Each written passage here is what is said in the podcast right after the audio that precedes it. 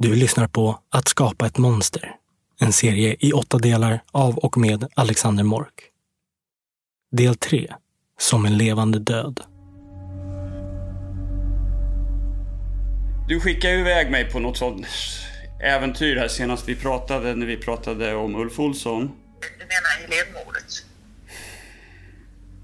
Ja. För det, grejen är den att Helénmordet, om det är det ärendet, så det är ju avdömt och klart. Och eh, alltså är det så att det skulle kunna vara fler som har varit inblandade? Är det så att det kan ha gått till på ett annat sätt eller att man får kanske ytterligare du vet, du vet ju själv att vi vet ju inte exakt hur försvinnandet gick till. Vi vet inte exakt var hon förvar, vi vet inte var hon förvarades under den här tiden och så vidare. Vi vet ju bara att var hon, var, varifrån hon försvann, var från Hörby hon anträffades på platsen. Däremellan vet vi inte vad som har hänt. Skulle det vara så att eh, man får tag i ett vittne som kan berätta sådana saker, eller helt plötsligt eh, att det är någon annan som har dödat henne än Ulf Olsson eller sådana uppgifter. ja och jag, jag, kan, jag, kan, jag kan redogöra för hur jag tänker runt omkring det om vi kan prata. Ja, ja, självklart gör jag det. Självklart gör jag det. Jag tycker själv det låter intressant det du säger. Jag hade lyssnat om och om igen på förhören med den dömde mördaren Bengt Karlsson under produktionen Nattvandraren. svårt att fatta det när du tänker med vissa tankegångar hur du har kunnat gjort det här och varför det har blivit så. Men när du kommer in i den här känsloställningen, när du känner det här som du sa innan, du känner det som en tickande bomb. De tankarna ja, men det är bara nu under de här dagarna Mm. Som jag känner att jag börjar, när jag börjar tänka efter. Liksom, vad fan liksom, har jag varit med om allt det här? Ja, men tror du inte Bengt att även tidigare har du fungerat Efter att ha påbörjat en egen utredning efter misstankar om att det kunde finnas fler brott som aldrig tidigare uppdagats ramlade jag över en annan polisutredning. Och jag skulle verkligen vilja betona ramlade över. Det var ett mord i Hässleholm som jag skickade till dig också. Hässleholm? Ja, men det var väl Jannica-mordet. Det var väl hon som hittades naken. Det Var var det Jannica? Jannica. kanske det var. Det kanske Ja, det var. det är Ulf Ja, Olsson ja, som Ja, det var Ulf Olsson, just det. Ja. Mm. Ett par fall på min lista med nyhetsartiklar som jag skickade till kriminalinspektör Monica Olhed var mord som redan var lösta. Och ett av de lösta fallen var mordet på det 26-åriga Jannica Ekblad i Malmö. Ulf Olsson är redan dömd för mordet och även för att ha mördat den 10-åriga flickan Helene Nilsson i Hörby i mars 1989. Motivet kan enligt tingsrättens mening inte gärna ha varit något annat än att gärningsmannen ansett sig tvungen att undanröja Helen för att kunna undgå ansvar för det sexuella övergreppet mot henne. Vår fantasi räcker inte till för andra hypoteser. Mot bakgrund av det jag har sagt så menar tingsrätten alltså att det föreligger övertygande bevisning om att Ulf Olsson gjort sig skyldig till, förutom grov våldtäkt, även mord och människorov mot Helene Nilsson. Det är för bedömningen av påföljdsfrågan nödvändigt att Ulf Olsson genomgår en rättspsykiatrisk undersökning.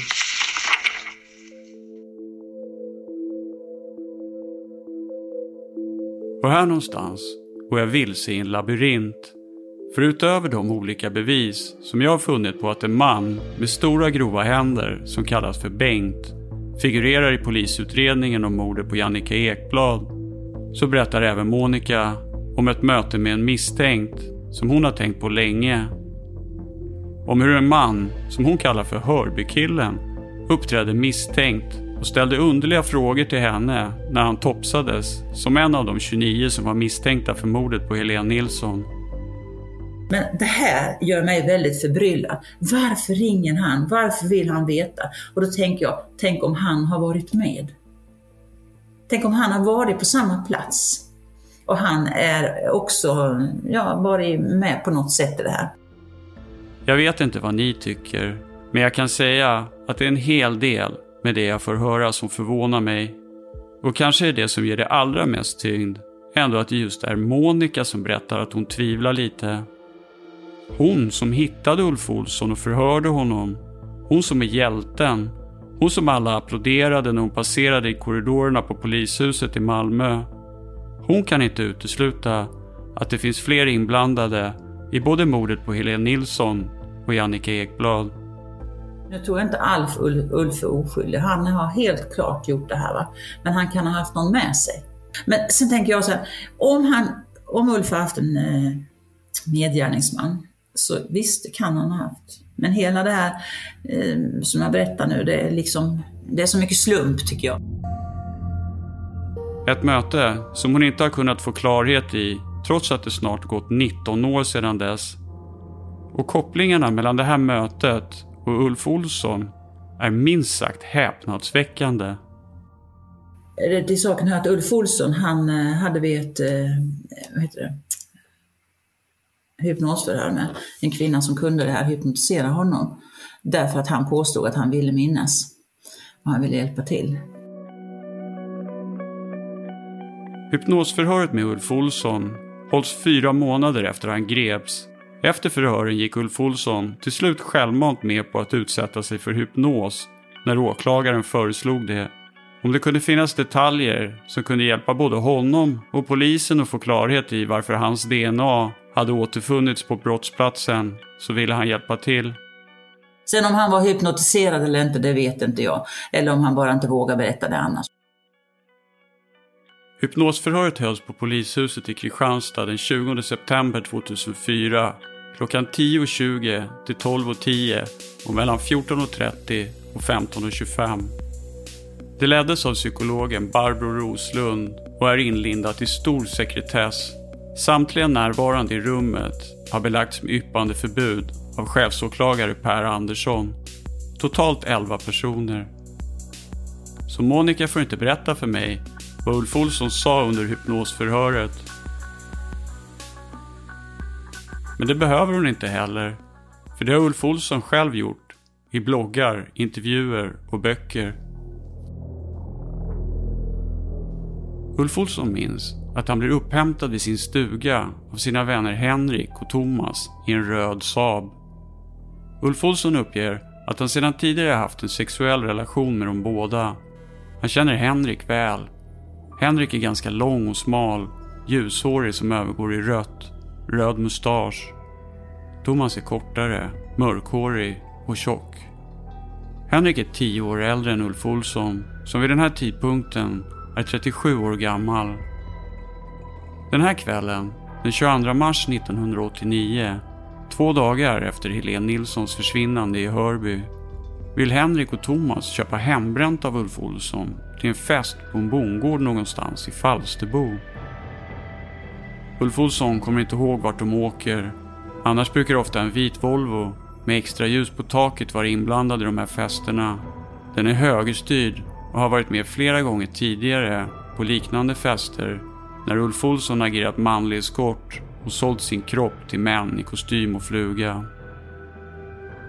Men det är något som är annorlunda med just den här kvällen. När de väl kommer fram är det ingen som vill köpa hembränt. Ulf Olsson upplever det istället som att han blir drogad. Att allt flyter lite, svävar. Det luktar parfym. Det är andra kvinnor där. Det brukade sällan vara på de här festerna. Ulf Olsson har ett minne av ett svart skynke som det ligger någonting under. Kan det vara ett barn?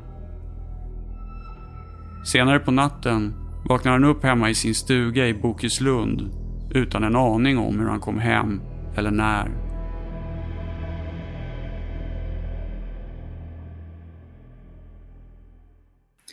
Det här eh, ska du komma ihåg nu vad Ulf berättade. Och till saken här att efteråt så försökte vi då med hans hjälp få tag i Henrik och Thomas. Och vi lyckades. Jag förhörde den här Henrik i Malmö. Henrik berättade att eh, det stämmer. Ulf Olsson fick ibland ställa upp på sex med mig. Och han fick klä sig i bh och trosor och lite sånt där. Sen fick jag ju aldrig fram var platserna har varit. Ulf Olsson berättar själv i media att han under hypnosen minns en sexfest i Falsterbo med herrar i kostym och fluga och ett litet barn under ett skynke. Och han misstänker själv att någon har stulit hans DNA under den här sexfesten, tagit en kondom och sedan placerat hans DNA i Helene Nilsson. En historia som betraktades som en galen och desperat lögn när han berättade den i intervjuer. Men det som jag reagerar starkt på är att Monica nu säger att den är Henrik, som Ulf Olsson beskriver under hypnosen, finns på riktigt. Att hon har förhört honom och att han bekräftar en del av det som Ulf Olsson mindes under hypnosförhöret. Att Henrik då och då skjutsade Ulf Olsson till sexfester. Och slumpen då, att den här Henrik medger att Ulf har varit med på de här sakerna. Och haft sex med män. Ulf berättar att han har varit i stuga i Falsterbo och haft sex med män i fina kostymer. Och det kan man ju tänka sig att den här födelsedagsledaren hade då. Och om det nu är hans sommarstuga de har varit i. Ja. ja det är ju väldigt spännande faktiskt måste jag säga. Men, eh... Det finns en långsökt koppling mellan Ulf Olssons minnen från hypnosförhöret och den Hörbykille som Monica berättat om. Och det är att Monica har en känsla av att den här Hörbykillen kanske kan ha varit på samma fest som Ulf Olsson talar om under hypnos. Eller att det rör Hörbykillens pappa, en företagsledare som ägde sommarstugor i Falsterbo. Men oavsett vad, så det är ju ändå lite märkligt. Den här företagsledaren som ägde den här sommarstugan, när Helenmordet begicks, han drog utomlands. Han, jag tror det var till USA. Han var borta ett, ett år. Det var liksom någon konstig förklaring, minns jag, till hans flykt där. Sen kom han ju tillbaka. Herbie-killen agerade undligt och återkom till Monica för att få veta svaret på sitt DNA-prov. Och han hade träffat Helene i Falsterbo. Var han på något sätt orolig att de skulle hitta något spår av DNA från honom eller hans pappa, företagsledaren? Kunde det förklara hans underliga beteende?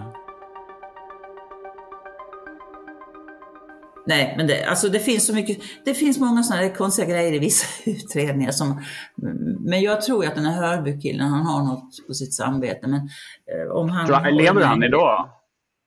Tror du? Ja, det vet jag inte, men det tror jag väl. Det låter ju för mig som en otroligt spännande ingång på någonting att just titta på det här sällskapet och liksom försöka forska vad det kan ha varit ja, någonting du, överhuvudtaget. Alltså, hur ska man komma in på detta sällskap? Vi vet ju inte ens. Det är ju så här att den här Henrik i Malmö, han, eh, det var han som ordnade till det här med Ulf skulle åka och ha sex med olika män. Och, ja. och när han säger fina här i kostymen, det behöver ju inte vara den här Hörby-killens pappa och hans sommarstuga, det kan vara något helt annat. Så att en ingång på en eh, företagsledare i södra Sverige, nu är han visserligen pensionerad, kanske till och med död, Mm. Det måste man ha någonting mer än så här att komma med. Ja, jo, jo. Nej, men... Eh.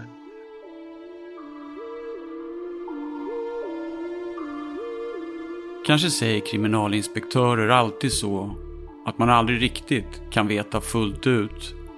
Att det alltid kan finnas fler inblandade. Men jag kan lugnt säga att jag är oerhört nyfiken. Alla dessa obesvarade frågor kring Hörbykillen och hypnosförhöret med Ulf Olsson tar helt över min tankevärld. Jag släpper allt annat jag håller på med och jag läser allt jag kan komma över om fallen. Mina barn talar ofta med mig, men jag hör dem bara på avstånd. Jag befinner mig i en annan värld. Ah, ja, ja, jag ser det nu. Nu ser jag det. Jag ser det nu. Mm, jag ser det nu. Så det är lättare. Ja, men god morgon. Ja, god morgon. Eh, jo, Eh, jag ska kolla på en grej. Jag hade lagt upp så jag skulle prata i rätt ordning lite, men vart tog den vägen nu då? En tid senare har jag samlat ihop en bank med frågor kring åtalet mot Ulf Olsson och jag tar åter kontakt med kriminalinspektör Monica Holhed. Ja, men när vi pratade senast så mm. berättade du det här om, om Hörby-killen för mig. Mm. Och eh, jag håller på med två eller tre andra grejer, men jag kunde liksom inte släppa släppa det och började, jag beställde fuppen och jag började läsa och massa saker. Och det var en sak som gick liksom helt i repeat på mig i huvudet som gjorde att jag vaknade så här tre på natten och bara tänkte på det här liksom, mm. att släppa. Okay. Och det var, det var att du sa att Hörby-killen sa att Helen satt i hans knä. Mm. För att varför skulle någon nämna det när en 10-årig flicka blivit sexualmördad liksom 13 år tidigare, 14 år tidigare? Alltså, ja, jag kan förstå dina tankar men där tänker jag annorlunda. Därför att den här Hörbykillen som jag eh, förhörde, han, berätt, han visste ju varför jag kom dit. Jag kom dit i egenskap av att jag jobbade med Helénutredningen. Och när han berättade här, eh, Eh, att Helene hade suttit i hans knä, så var ju det i ett sammanhang. Han berättade då att hans syster var alltså, hade barn som var kompis med Helen. Och när syrran hade varit eh, i en sommarstuga som eh, de ägde, eller familjen, eller ja, som de disponerade, så hade syrran haft med sig sin dotter och dotterns kompis Helen. Mm. Så att eh, om du förstår Ja, jag brukar inte ha tioåriga tjejer i mitt knä om inte jag känner dem väldigt, väldigt väl, eller om min dotter. Men det Nej, gjorde, men att det- jag, det gjorde att jag Hur- reagerade lite. Ja, jag förstår. Och, eh, I mitt sökande efter den Hörbykille som Monica berättat om ansöker jag om att få veta namnen på alla misstänkta som blev topsade 2004. Men Polismyndigheten hänvisar till sekretess och nekar mig tillgång till namnen, vilket är helt förväntat. De personerna är inte misstänkta för något idag och eftersom att Ulf Olsson redan är dömd för brotten är nästan all annan information sekretessbelagd. Men jag kommer inte ihåg vad han heter. nej, Men det förhöret måste ju ligga i utredningen. nej, De som vi topsade. nej. Nähä, okej. Jag får inte se något sånt. Det är Ulf som är den dömda mördaren så att alla andra är nu fria. Ah, då förstår jag. Det är det som blir så, så svårt med det. Men du- men, eh, Mm, det är... Jag vet att du har yppande förbud runt omkring vad som hände i- hypnosförhöret. Och han beskriver det som att eh, han blir upphämtad av en kille som heter Henrik och Thomas två dagar efter att Helena försvunnit. Men jag vet inte om... Eh, jag, jag antar att han inte ljuger om vad, vad han har upplevt om hypnosförhöret. Jag kan inte få reda på det eftersom det är sekretessbelagt. Men hans version är ju att eh, han har varit på, på en fest med massa herrar som han har haft sex med och att det har det luktat parfym, det har varit andra kvinnor där. Och eh, han, upplever det som, han, han, han upplever det som att han blir lurad dit för att de kommer dit och säger att han, de ska köpa hembränt eftersom han säljer hembränt.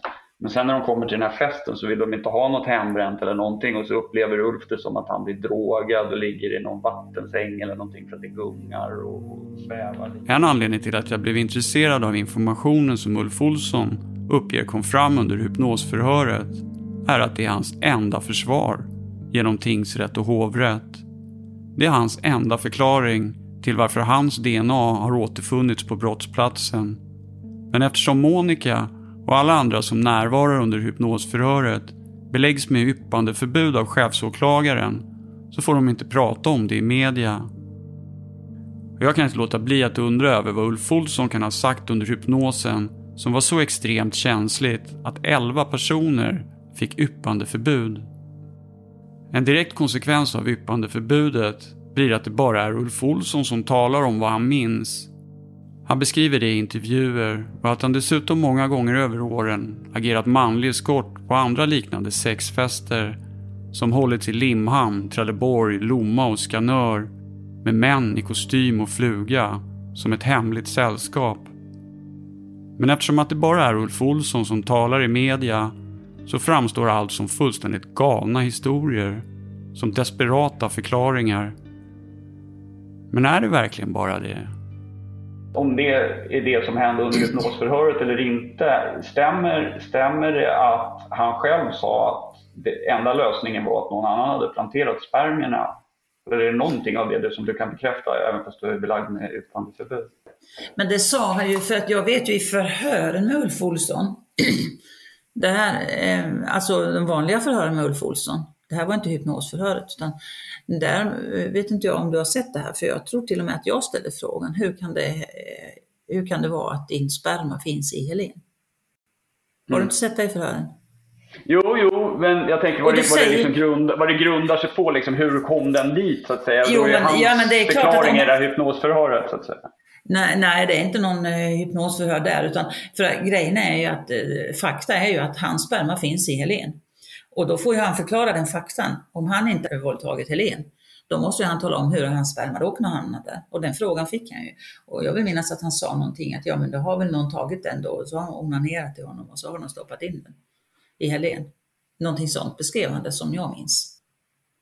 Absolut, och det är, det är så galet så, så det är helt sjukt. Men, men eh, om det, det enda jag reagerar på är liksom de minnena som, han, som, som, som kommer fram under hypnosförhöret är att den här festen sker två dagar efter Helens försvinnande.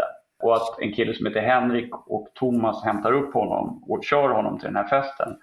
Men vet man att det hände två dagar efter Helens försvinnande, för i så fall så skulle tidslinjen fungera för Ulf att någon har planterat hans spermier för de tog dem på den här festen och sen så fyra dagar senare så hittar man Helen.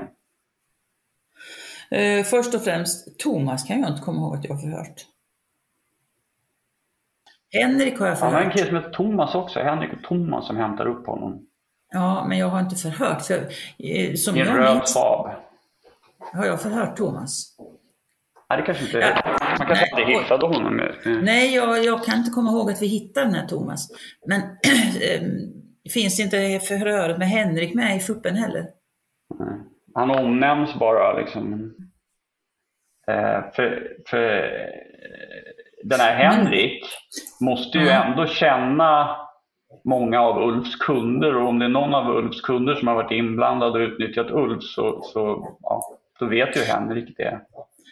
Henrik eh, bekräftade ju i förhöret att Ulf har fått ställa upp lite för män på det här sättet. Ikläda sig lite damkläder någon gång, och underkläder. Och så kördes han till olika ställen. Det har Henrik bekräftat i förhör. Ulf Olssons begäran att polisen ska söka upp Henrik kommer i hans komplettering till förundersökningsprotokollet i oktober 2004. Men Monica förhör inte Henrik förrän i februari 2005 samtidigt som rättegången i Lunds tingsrätt pågår. För till en början misslyckas polisen med att finna Henrik på den adress som Ulf Olsson uppgivit trots att han har ritat en karta som pekar ut adressen. Även fast historien om festen som hans vänner Henrik och Thomas skjutsar honom till är Ulf Olssons enda försvar så finns inte det förhör som Monica håller med Henrik med i förundersökningsprotokollet. När Ulf blev skickad till kunder kunde han flera gånger uppleva att liksom han vaknade upp dagen efter och inte riktigt kom ihåg vad som hade hänt. Så här, liksom, som att han fått en blackout. Och eh, han har aldrig blivit liksom våldtagen eller misshandlad eller något sånt där. Men, men han liksom bara ett obehagskänsla att han inte kom ihåg vad, han hade, vad som hade hänt. Och då menar han på att han tror att de ofta fick någon sorts sexdrog som man dels skulle bli lite ja, mer sexuellt aktiv av men som då fick de konsekvenserna att man tuppade av då. Att man ofta använde det i homosexuella relationer under Inte GHB. GHB, precis. Uh, Ulf är också, han beskriver ju också vad han är för typ av sexuell person så där han, uh, han utför liksom aldrig oral, oralsex eller analsex på någon utan de får göra det på honom så att säga. Mm. Kan det som Ulf Olsson uppger ha funnits ett hemligt sällskap som träffades för sexmöten på bondgårdar i Skåne under slutet av 80-talet? Att någonting har hänt Ulf Olsson under en sådan fest. Han minns under hypnosförhöret att han vaknar upp från en sån utan att veta vad som har hänt. Är det också därför som Hörbykillen, som Monica förhör agerar undligt och återkommer till henne flera gånger? För att han är orolig att Monica ska hitta något spår av DNA från honom eller hans pappa företagsledaren. Jag tycker ändå det är misstänkt att ingen vill prata med polisen om de här sexfesterna trots att det finns detaljer som pekar på att sådana fester kan ha ägt rum. Både enligt Ulf Olsson och det förhör som Monica håller med hans vän Henrik. Hela dagen har han suttit orörlig med blicken ner i bordet. Bilder på Helene Nilssons kropp insvept i svarta sopsäckar med ett blodigt knä som sticker ut visas på en bildskärm. Den åtalade 52-åringen rör inte en min. Helene Nilssons föräldrar och syskon som fått gå igenom samma säkerhetskontroll som alla andra tittar bort. Det är fullsatt i sal 1, men det är knäpptyst. 52-åringens advokat Sven Järnryd vänder sig till Helene Nilssons familj och säger att han inte försvarar de bestialiska handlingarna utan det är hans uppgift att se till att hans klient får en rättvis rättegång.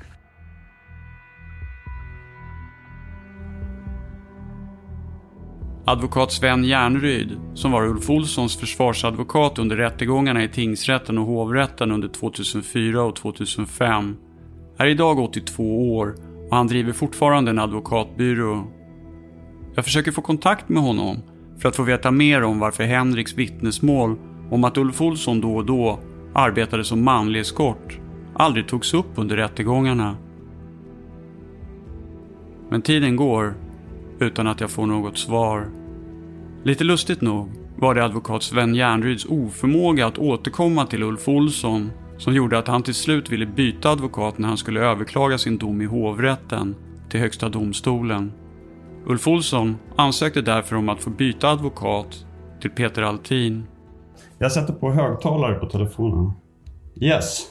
Det hade varit ganska lång tid innan, innan man hittade någon misstänkt och så vidare. Så det var väldigt mycket känt och mycket hårt bevakat av medierna. Precis när jag är på väg ut genom dörren till en fotbollsträning med min son så ringer advokat Peter Altin tillbaks. Och medan jag springer in i sovrummet tappar jag omgående datorn i golvet. Eh, och eh, jag hade ju så mycket att göra även då. Alltså jag följde väl inte det så väldigt minutiöst. Men så på något sätt om han ringde eller skrev brev kommer jag inte ihåg. Men han kontaktade mig och ville byta advokat. Vilket i och för sig inte är så kolossalt märkvärdigt om du blir fälld mot ditt eh, förnekande.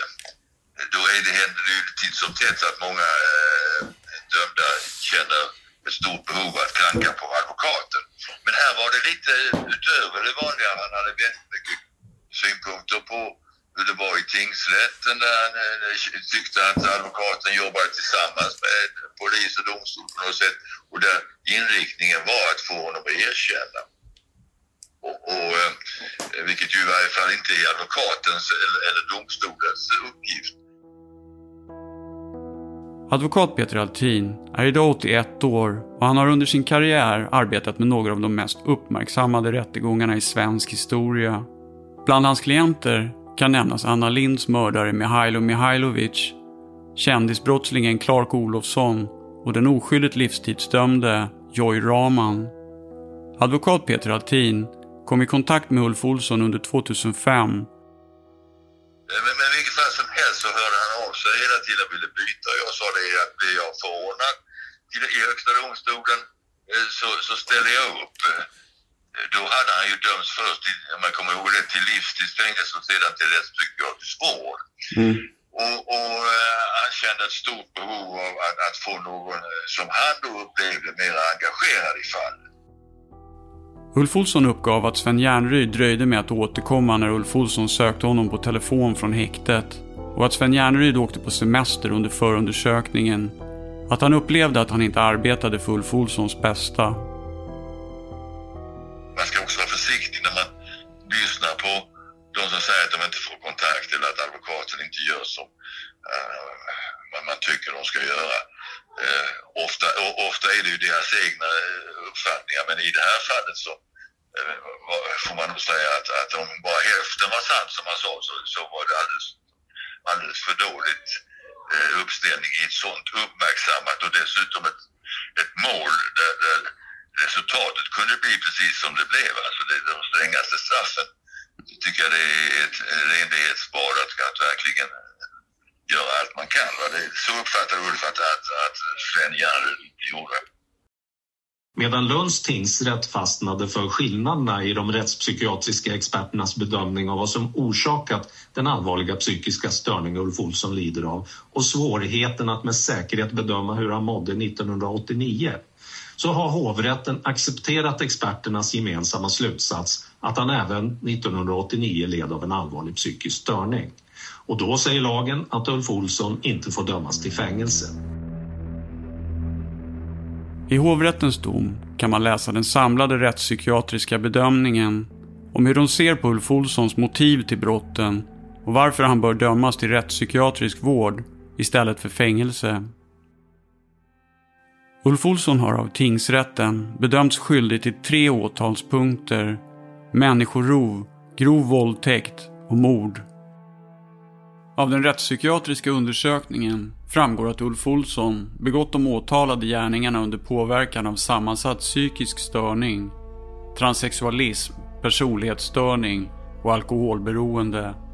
Denna störning har förelegat under en tid före brottet och föreligger fortfarande. Brotten har begåtts sekundärt till ett impulsgenombrott som är förenligt med den sammansatta psykiska störningen. Det har inte varit möjligt att utreda vilka unika faktorer som utlöst impulsgenombrottet. Därför är det svårt att bedöma risken för återfall i allvarlig brottslighet. Brottets allvarlighet och den sammansatta psykiska störningen gör så att osäkerheten med avseende på vilka mekanismer som lett till brottet gör det rimligt att konkludera att det finns risk för framtida brottslighet av samma slag. Riskökningen motiverar domen på särskild utskrivningsprövning. Om Högsta domstolen skulle besluta att pröva ärendet så blir det inte i skuldfrågan utan vilket straff Ulf Olsson ska få. Därför tänker advokat Sven Järnryd råda Ulf Olsson att inte överklaga. Chefsåklagare Per Andersson ser gärna att frågan om livstidsfängelse eller vård för Ulf Olsson prövas i högsta instans. Jag kan ju inte säga att hovrätten har gjort fel. Däremot är det möjligt att man kanske skulle få en annan bedömning om en högre instans prövade. Så att jag tänker ta kontakt med riksåklagaren och diskutera möjligheterna att föra upp det.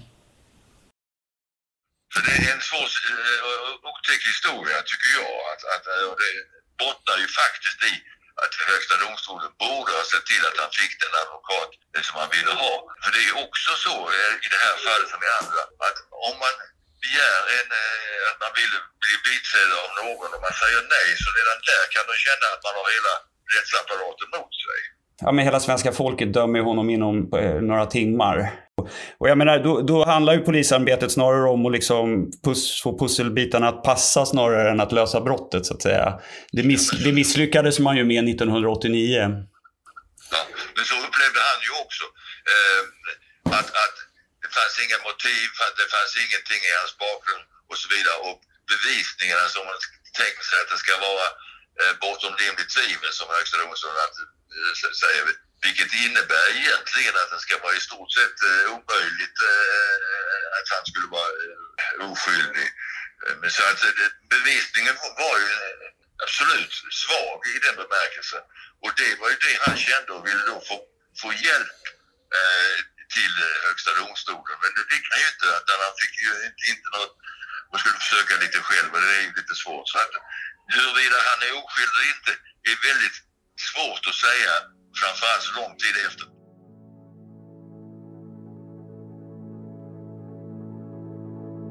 Jag har digitaliserat förundersökningsprotokollet på 1200 sidor och jag kan nu söka på kodord som bilar, färger, orter, utseenden och beskrivningar. För att kunna utveckla min egna teori, min alternativa version, har jag börjat bygga en ny grund baserat på de oklarheter jag har funnit för det har hunnit bli många tveksamheter kring de bevis mot Ulf Olsson som jag har synat. Ingenting är så glasklart som jag skulle önska när en person har dömts till det strängaste straff vårt land kan utdela. Ulf Olsson ser inte alls ut som grisen som Jannica Ekblad skulle träffa samma kväll som hon blev mördad. Jag har hittat den riktiga grisen. Jag vet hans namn. Jag har hittat något som skulle kunna vara hans stuga som Jannica skulle besöka. Jannikas väninna Angeli beskriver den i förhör och det är i princip uteslutet att det är Ulf Olssons stuga som hon beskriver. För stugan ska ha en altan med sittbänkar på framsidan och en manuell pump för vatten i köket. Det fanns inga grannar inpå, som vid Ulf Olssons stuga. Angeli utsätts också för ett mordförsök bara några dagar efter sitt förhör hos polisen när jag läser förhören upplever jag det som att hon är rädd för att tala med polisen om sin väninna Jannica. Men den omständigheten presenteras inte ens av Ulf Olssons försvarsadvokat Sven Järnryd, fast det berör ett vittne i mordutredningen. Och till saken hör att den dömde Ulf Olsson hade en gipsad arm när mordförsöket begicks. Vi får också veta att mannen som försökte strypa Angeli med ett hundhalsband inte kallas för Ulf. Han kallas för Bengt. Och att mannen försöker strypa Angeli med ett hundhalsband är också en mycket viktig detalj som vi ska återkomma till lite senare i serien. För när Jannike Ekblad hittas mördad så har mördaren noggrant tvättat bort allt blod från de sår som uppstått i samband med misshandeln och det finns inga fingeravtryck någonstans på Jannike Ekblads kropp. Däremot finner kriminalteknikerna ett antal hundhår och en annan besynnerlig detalj. Det ligger även pellets djurfoder bredvid kroppen och kriminaltekniker konstaterar att det har lämnats där samtidigt som kroppen. Jag har ju begärt ut fuppen och då har jag begärt ut alla förhör. Och det jag skulle vilja är att lyssna på ljudupptagningarna från förhören. Det har jag gjort på andra, men det fick jag nej från på polisen när jag begärde ut. Finns de kvar fortfarande? Ja, de finns. Det, det skulle jag absolut eh, tjata på. Det, det, sen kan man naturligtvis kolla om, om den som säger nej har väl någon chef, får man utgå ifrån. Eh, som, som har några vakna timmar per dygn, då kan man ju prata med honom eller henne. Ja. Eh, Så, så det, chansen finns eh, säkert att... Jag är lite överraskad att det finns kvar ljudband fortfarande. Va, vad skulle jag behöva hitta idag för att få, få resning i, i Högsta domstolen? Alltså, för, det där är inte bra. Nej, men, för det första måste du ha in hela materialet, alla, alla, alla, hela förundersökningen, fuppen och, och även slasken. Det, det är ju då polisen och ibland åklagaren som beslutar om vad som ska ingå i, i förundersökningen. Själv kan du ju tycka att andra saker som man då inte har tagit med, men som fanns i, finns i, i slasken, kan vara värdefullt. Så det, det tittar jag i stort sett alltid eh, gick och tittade. Man fick ju inte det, utan man fick åka dit till polisen själv och sitta och titta på det. Advokat Peter Altin tipsar mig om att kolla slasken på polisutredningen. Problemet är att den är stor. Slasken är ungefär 35 till 40 000 sidor. Ingenting finns digitalt, allt finns bara på utskrivna A4. Den information som finns i de förundersökningsprotokoll som jag har beställt är endast det som anförts som bevis i åtalet mot Ulf Olsson.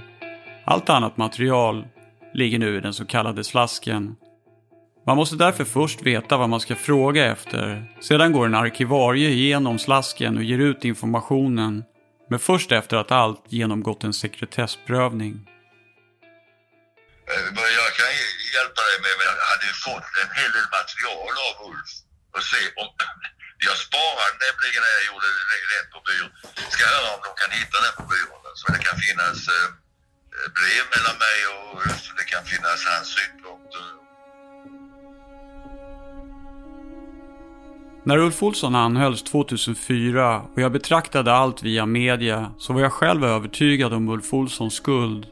DNA visade tydligt att Ulf Olsson var skyldig och jag blir därför chockad när advokat Peter Altin säger att bevisningen mot Ulf Olsson var svag. I media rapporterades en helt annan bild. Ulf Olsson var tydligt skyldig. Han tiger bara. Han vägrar bara att berätta om sina brott. Advokat Per E Samuelsson som följer rättegången i Lund menar att bevisningen är stark. Han har stark teknisk bevisning som binder den här mannen till försvinnandet, bortrövandet, våldtäkten på Helen. Och han har också stark teknisk bevisning som tyder på att Jannica Ekblad mördades i hans sommarstuga i augusti månad 1989. Sen spär han på det med att ha bevis på att den här mannen själv har kontaktat polisen den 28 maj i år och faktiskt tagit på sig skulden för båda morden. Så sammantaget så tycker jag att det redan nu känns som att det blir väldigt svårt för mannen att ta sig ur det här. Och inte blir saken bättre av att han säger att han inte kommer ihåg någonting. Men när jag läser igenom domen igen så förstår jag att advokat Peter Altin har rätt. Åtalet baseras på en så kallad indiciekedja. Och här behöver vi stanna upp lite och klargöra vad indicier är för något. För det är ett mångtydigt begrepp. Indicier är en sorts indirekta spår av en brottslig gärning. En sorts anledning till misstanke. Till exempel motiv, hot, hur den misstänkte agerar före och efter brottet. Och det är lite luddigt, lite svårt att nyansera. För ett indicium kan i sig varken bevisa eller motbevisa något. Om vi tittar på ett indicium i Ulf Olssons fall så kan till exempel DNA-beviset i form av spermier som återfanns hos Helene Nilsson i sig inte bevisa någonting. Det DNA-beviset behöver stöd av andra indicier för att fastställa att Ulf Olsson har mördat Helene Nilsson. För indicier får sin funktion först när de samverkar. Den indiciekedja som åklagare Per Andersson presenterar i åtalet mot Ulf Olsson och som vi kommer att gå igenom i detalj i den här dokumentärserien bygger på tre stycken tekniska bevis. Spermier, blodspår och ett simkort som det har ringts anonyma erkännanden ifrån. Enligt tingsrättens dom ska de indicierna, det vill säga de tekniska bevisen tillsammans bilda en beviskedja, ett bevisfaktum som får dem att anta att det är bevisat bortom alla rimliga tvivel att det är Ulf Olsson som är gärningsmannen i både mordet på Helene Nilsson och Jannica Ekblad. Men, och det här är ett stort men, och anledningen till att bevisningen mot Ulf Olsson är svag. För en indiciekedja innebär också att om ett av de tekniska bevisen faller så faller alla eftersom att de är beroende av varandra för att samverka.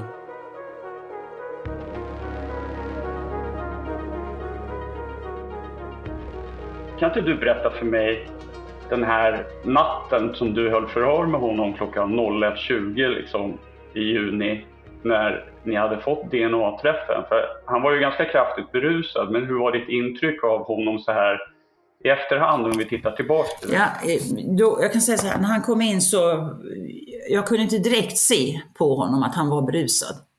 Men när vi började förhöret så, han verkar så, vad ska vi säga, frånvarande och han tittade mycket ner i golvet så här och tittade inte riktigt på mig hela tiden. Och eh, verkade lite, då började jag ju märka lite att han var berusad. Och när jag delgav misstanke så förnekar ju han alltihopa ju. Att eh, det var inte han. Och sen helt plötsligt när jag bytte spår, när jag började prata om hunden eller någonting annat, då liksom vaknade han upp och då, eh, eller ja, då var han talbar på ett annat sätt. Så en stund så började jag fundera på, spelar han full? Men eh, jag tror egentligen eh, sen inte att han gjorde det för att sen sa han att jag fick dricka sprit när polisen var där och hämtade mig. De hade inte koll eller någonting sånt där, eh, menade han. Och det vet inte jag om det stämmer. Men sen efter en stund så förstod jag det och när jag liksom sa att att han har med det här att göra. Nej, nej, men så, det har du. Liksom beslog honom bara rakt upp, det har du du har, du har gjort någonting här, eller jag kommer inte ihåg hur jag formulerade mig. Eh, och då, eftersom hans sperma fanns i Helen. Nej då, eh, det hade han ju inte. Och slog ifrån sig. Och det var ju bara för att jag beskyllde honom bara där. Men eh, sen efter en stund så började jag förstå att han är faktiskt berusad. Och dessutom hade vi ju ingen advokat med på natten då, vilket man bör ha eh, vid grova brott alltid. Det här var ju ett 24-8 förhör som vi kallar det innan han skulle frihetsberövas eller anhållas då. Så därför bröt jag förhöret till slut. Enligt Ulf Olsson så kommer han inte ihåg hur han blev tillförordnad en advokat dagen efter det första förhöret när han var onykter. Men härifrån går allting väldigt snabbt. Förhöret som Monica beskriver hålls under natten till midsommarafton 2004. Under midsommarhelgen kablas det ut nyheter i media om den gripne 52-åringen om den DNA-träff som polisen har fått. Att man nu äntligen kan klara upp mordet på Helene Nilsson. Tre veckor senare, den 11 juli 2004, är det en lång artikel i Expressen om att Ulf Olsson kan vara Sveriges värsta seriemördare genom tiderna. Liksom jag förstår att det hade ju du i bakhuvudet och alla andra hade ju det. Det hade jag även som tittade vid sidan av från media att, att spermierna fanns ju där så han var ju skyldig. Men, eh, men upplevde du honom liksom som så smart, hotfull, arrogant, apatisk, liksom otrevlig, hånande? Eller vad, vad var det för människa som dök upp när jag läste förhör? Han var inte hotfull. Men eh, alltså, jag kommer inte riktigt ihåg. Han var nog mer lite så här... Eh, Du har inte ljudfilen förresten? Jag, jag har begärt ut ljudfilen men jag fick nej mm. från polisen men jag har överklagat det så det ligger hos stadens mm. jurister och jag hoppas att jag ska få tag i dem. Men, men, eh, så att... ja, för den var ju liksom mer så alltså nej jag kan inte uppleva honom hotfull. Mm, mera Ja, han var inte likgiltig, det vill jag inte påstå heller, för han beskyllde ju, eller han förnekade det här jag beskyllde honom för. Alltså, jag, jag minns inte ordagrant, eller exakt hur, men han var väl lite mer åt det apatiska hållet i så fall. Kan jag tycka. Jag har ju läst förhöret och det jag får fram av det där är väl att han gråter och saknar sin hund och inte förstår. Han säger bara varför gör ni så här mot mig? Just... Varför gör ni så här mot mig? För han förstår ju inte vad... Äh, ja. Det kommer jag ihåg nu att han var väldigt bekymrad över sin hund, vart den, var, vart den skulle ta vägen. Det minns jag.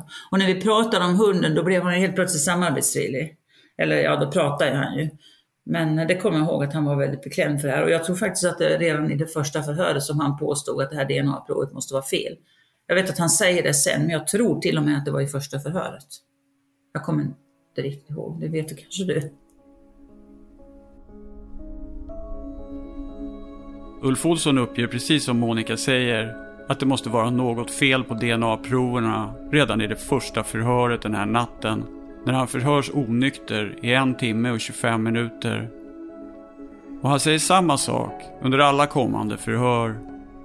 Men exakt vad som sägs under förhören med Ulf Olsson vet jag inte. Jag kan bara läsa sammanfattningen av förhören som skrivits av en kriminalinspektör i efterhand. Jag hittar istället de första ledtrådarna till mysteriet någon annanstans. I en bok 2005 skrev Ulf Olsson boken Utan rättssäkerhet. Jag sträckläste boken i hopp om att någon information skulle ligga dold där. I boken uttrycker Ulf Olsson sin besvikelse över det svenska rättssystemet. Hur han upplevde att alla var förberedda på att åtala honom på grund av DNA-matchningen. Att åklagaren var aggressiv och samarbetade med en reporter för att svartmåla Ulf Olsson redan innan rättegången hade börjat att hans egen advokat Sven Järnryd på något sätt arbetade tillsammans med polis, åklagare och domstol. Ulf Olsson hittar ju den här nu va? Jag har sett boken där. Jag... Ja, ja alltså den, här, den här fick jag av eh, Nina, om hon nu heter Nina. För eh, bara göra en kort historia så. Det är en vacker dag i juni 2022 när jag möter upp advokat Peter Altin som direkt erbjuder sig att ta en tur med båten. Men som tur är så dyker ett oväder upp, för jag gillar inte båtar nämnvärt. Dessutom är jag väldigt intresserad av en annan sak. Och det är hur det kom sig att Peter Altin ställde upp på att skriva förordet till Ulf Olssons bok Utan rättssäkerhet. Med tanke på den mediastorm och hat som rådde mot Ulf Olsson. På den här tiden hade jag ju så jävla mycket så jag inte ut, behövde egentligen inte några sådana spektakulära grejer. Va? Men han tjatade väldigt. Och sa du måste hjälpa mig. Så berättade han om sin advokat som jag kände lite från Lund. Eh, och så vidare. Och sen så säger han att eh, han ville att jag skulle biträda honom i Högsta domstolen. Vilket de inte, inte gick med på. För att det, jag pratade med Rickard som var han som gav ut boken. Okej. Okay. Han berättar liksom att han har fått så jävla mycket skit för att han har gett ja, ut den där boken. De har gömt den på biblioteket i Hörby. Ja, det står ju så Rickard Arvidsson. Sålde han några överhuvudtaget då? Nej, inte många. Ja. Alltså, så. Boken Utan rättssäkerhet skrev Ulf Olsson tillsammans med en släkting som använde sig av pseudonymen Nina Olsson. Nina tar i boken ingen ställning till om Ulf Olsson är skyldig eller oskyldig. Men hon hjälpte honom att formulera sin version något som Ulf Olsson aldrig ansåg att han fick göra under polisutredningen och de efterföljande rättegångarna, då hans advokat ständigt avrådde honom från det. Och, och då säger han så här att, ni, jag, för, för jag ringer honom för jag försökte få tag i Nina. För jag vill prata med henne. Ja. För, för det står i boken också att de har samlat, de tackar i tackgrejen, så här, tack för allt material som jag samlat. Så jag tänkte kanske det kommer finnas något material från Ulf kvar som hon hade. Då berättade Rickard för mig att, eh, han berättade för mig att du hade försökt ta kontakt med henne någon gång för länge, länge, länge sedan. Eh, och han sa att då hade han hört av sig till Nina. Och då hade Nina svarat att nej, jag vill inte göra några intervjuer överhuvudtaget. Min släkt har bett mig att inte aldrig någonsin prata om det här mer för att det blir så hemskt för alla dem. Liksom. Men det var nog för att Ulf var på, på mig att jag skulle på något sätt engagera mig både i målet. Det här med boken kom senare. Eh, och då ville jag ju, om jag skulle skriva, vara med på något sätt i en bok så ville jag ju veta vem är och vem är hon? Så det kan nog stämma att jag försökte få tag på en. Men vi hade kontakt sen. Mm. På något sätt. Eh, brev, mera brev därför att vi hade ju väldiga diskussioner hur förordet skulle se ut.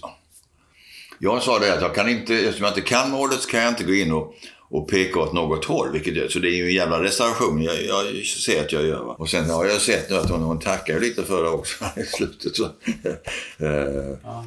eh, men, Nej, och Rickard sa också liksom att det hade gått att ge ut boken om inte du hade liksom som seriös person hade skrivit någonting. Liksom. Så du, du blev lite Och vet du, utnyttjad var... i det avseendet. ja, men vet du varför? Det huvudsakliga eh, anledningen till att jag ställde upp och skrev det här förordet som jag ändå tycker är ganska försiktigt när jag läser det nu. Hade det varit nu eh, senare år så är jag mindre försiktig. Det var att man sa nej till att förordna på hans önskan mig till försvarare. Om no någon ligger i ett mål där du kan riskera antingen bli inlåst på psyket eh, eller få livstid så tycker jag det är en självklarhet att han ska få den advokat han vill ha. Varför fick han inte? Nej, det vet jag inte. Men det, det, det, de tycker väl att det blir för dyrt eller de tycker vad som helst. Kanske var det så Peter Altin säger, en fråga om kostnader för staten. Ulf Olsson var fattig nästan hela sitt liv och levde på knappa resurser. Och om man vill byta den offentliga advokat som man har blivit tilldelad så måste man ange sina skäl för det. Ulf Olssons skäl för byte bör i den kontexten anses som giltiga. Men staten gör också en avvägning över kostnaderna, vilket innebär att det är lättare att byta advokat om inte försvarsadvokaten lagt ner tid som staten kommer att behöva ersätta. Advokat Peter Altin vet än idag inte varför Högsta domstolen sa nej när Ulf Olsson ville byta advokat.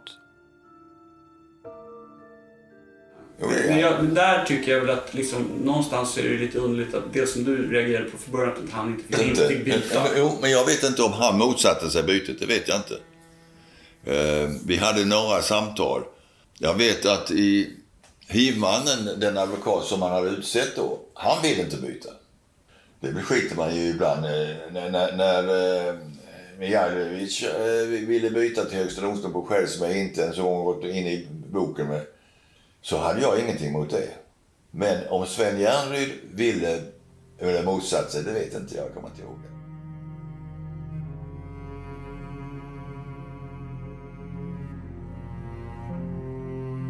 Ända sedan jag var liten har jag varit rädd för att bli oskyldigt dömd. Frustrationen har bubblat inom mig när jag sett filmer och läst böcker med oskyldigt dömda. Det har för mig alltid varit den totala definitionen på orättvisa. Och innan vi skiljs åt så berättar Peter Altin något för mig om Ulf Olsson som ger mig mardrömmar en lång tid framöver. Jag hade kontakt med honom. Han skrev mycket. Men det jag mest kommer ihåg och som fortfarande finns i, i, i medvetandet. Det är antingen han sa det på telefon eller att han skrev ett brev. Där han sa att det, det finns ingen framtid. Jag sitter nu eh, på eh, rättspsyket, den rättspsykiska... Eh, han, han, han fick ju det i, i hovrätten till sist. Va? Tydligen var det väldigt hallåande i tingsrätten och en domare som var mycket märklig som ville att han skulle erkänna och hela den biten. Men så dömdes han till eh, rättspsykiatrisk vård. Och det här är vad han har sagt, jag har inte kollat om det är rätt. Då säger han så här att, att ska jag ha en chans att komma härifrån så måste jag underkasta mig en behandling. Utan den så har jag aldrig en möjlighet att komma härifrån. Ja, okej, okay, säger, för, tänker man då. Det är väl bara att gå in i den. Ja, men då kräver de att jag ska erkänna. då ska jag få behandling. Annars kommer behandlingen inte göra någon nytta. Och eftersom jag inte har gjort det här kommer jag inte kunna e-, erkänna. Och eftersom jag inte erkänner så kan jag inte få behandling. Och får jag ingen behandling kan jag inte komma ut. Det brevet kommer jag ihåg, det kom fram till mig någon, några dagar, möjligen någon vecka efter att han hade tog livet av sig. Då hade han förklarat att jag har ingen, jag har ingen möjlighet. Men det är fullständigt meningslöst. Det kommer jag aldrig härifrån. Det kommer jag ihåg. Ulf Olsson är kanske en av Sveriges mest hatade människor när han den 10 januari 2010 skriver ett meddelande på sin blogg från Rättspsykiatriska anstalten i Sundsvall. Här sitter jag i förutbestämd förvaring resten av livet för att bli kränkt av en maliciös personal, förnedrad för brott som jag inte gjort mig skyldig till. Påhittade symptom och sjukdomar som till exempel transsexualism. Jag mår inte bra av denna falskhet, av alla dessa lögner och förnedringar. Det förekommer också en fruktansvärd särbehandling här. Ingen normal människa skulle må bra av en sådan behandling. Jag kommer aldrig att få vare sig frigång eller permissioner om jag inte erkänner. Orkar inte ens med att vänta på hur det ska gå med mina ärenden vid tingsrätten i Malmö och Stockholm. Jag hoppas att någon med kurage vill ta tag i mitt fall och reda ut vad som har hänt. Inte minst för de anhörigas skull och då även mina egna anhöriga. För min egen del har jag absolut ingenting att se fram emot eller att leva för. Utan jag kan ta läkare och psykologer på orden. Det bästa för mig är helt enkelt att bara få dö. Än att sitta här som en levande död.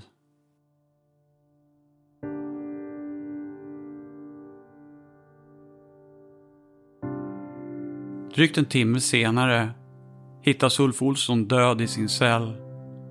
Han har hängt sig. På sociala medier frossar man i Ulf Olssons död i kommentarerna att han har fått vad han har förtjänat. Monstret har dött.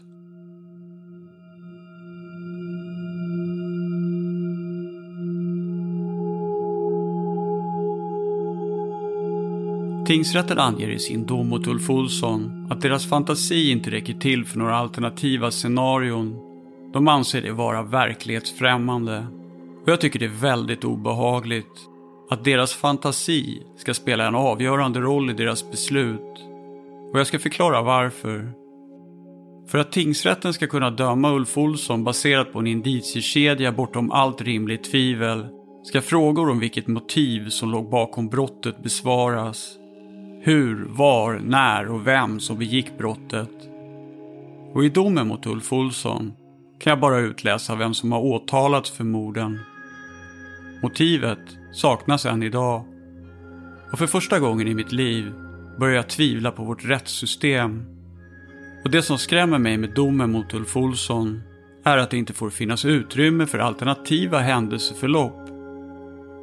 För i ett åtal ska det vara praktiskt taget uteslutet att det kan ha gått till på ett annat sätt än det sätt åklagaren påstår. Det innebär att alla andra rimliga alternativa händelseförlopp ska vara uteslutna. Är de inte det har åklagaren inte fullgjort sin bevisbörda. Och nu har jag hittat det i polisutredningen om mordet på Jannike Ekblad. Spår efter alternativa händelseförlopp och andra gärningsmän. Tydliga spår på att åklagaren inte fullgjort sin bevisbörda. Och även om det än så länge bara är spår efter ett annat händelseförlopp och inte bevis, så betyder det en hel del för min framtida utredning. För mitt nästa steg. För till skillnad från en kriminalinspektör, utredare eller åklagare har jag inget uppdrag, inga chefer, inga order eller hypoteser som jag måste följa. Det här är min egna utredning och jag kan göra lite vad jag vill. Jag tillbringar bara min egen tid med att försöka lösa alla mysterier jag stött på. Och från och med nu kommer jag anta att det är något fel på åtalet mot Ulf Olsson. Att bevisen inte är det de ser ut att vara. För chansen finns att om ett av bevisen är felaktigt så är alla andra också felaktiga. Om Ulf Olsson inte har mördat Jannica Ekblad, har han då mördat Helene Nilsson? Om han inte har det, så ligger en annan sanning begravd någonstans. En djup hemlighet som bevarats i över 33 år. Och i jakten på den hemligheten har jag en ledtråd som jag inte har berättat för er. En ledtråd som bara jag vet om. Jag vågade aldrig berätta den för någon annan under mina intervjuer. En ledtråd som jag tänker berätta för er nu. Men det här, det är en lång och sagolik historia.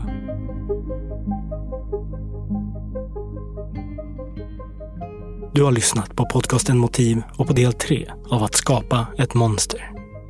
En serie i åtta delar producerad av Alexander Mork. Exekutiv producent Nils Bergman. På att skapa ett monster.se kan ni själva fördjupa er ytterligare i Alexanders research och ta del av tidslinjer och förundersökningsprotokoll och annat material. Länken finns även i avsnittsbeskrivningen. Tack för att ni lyssnar.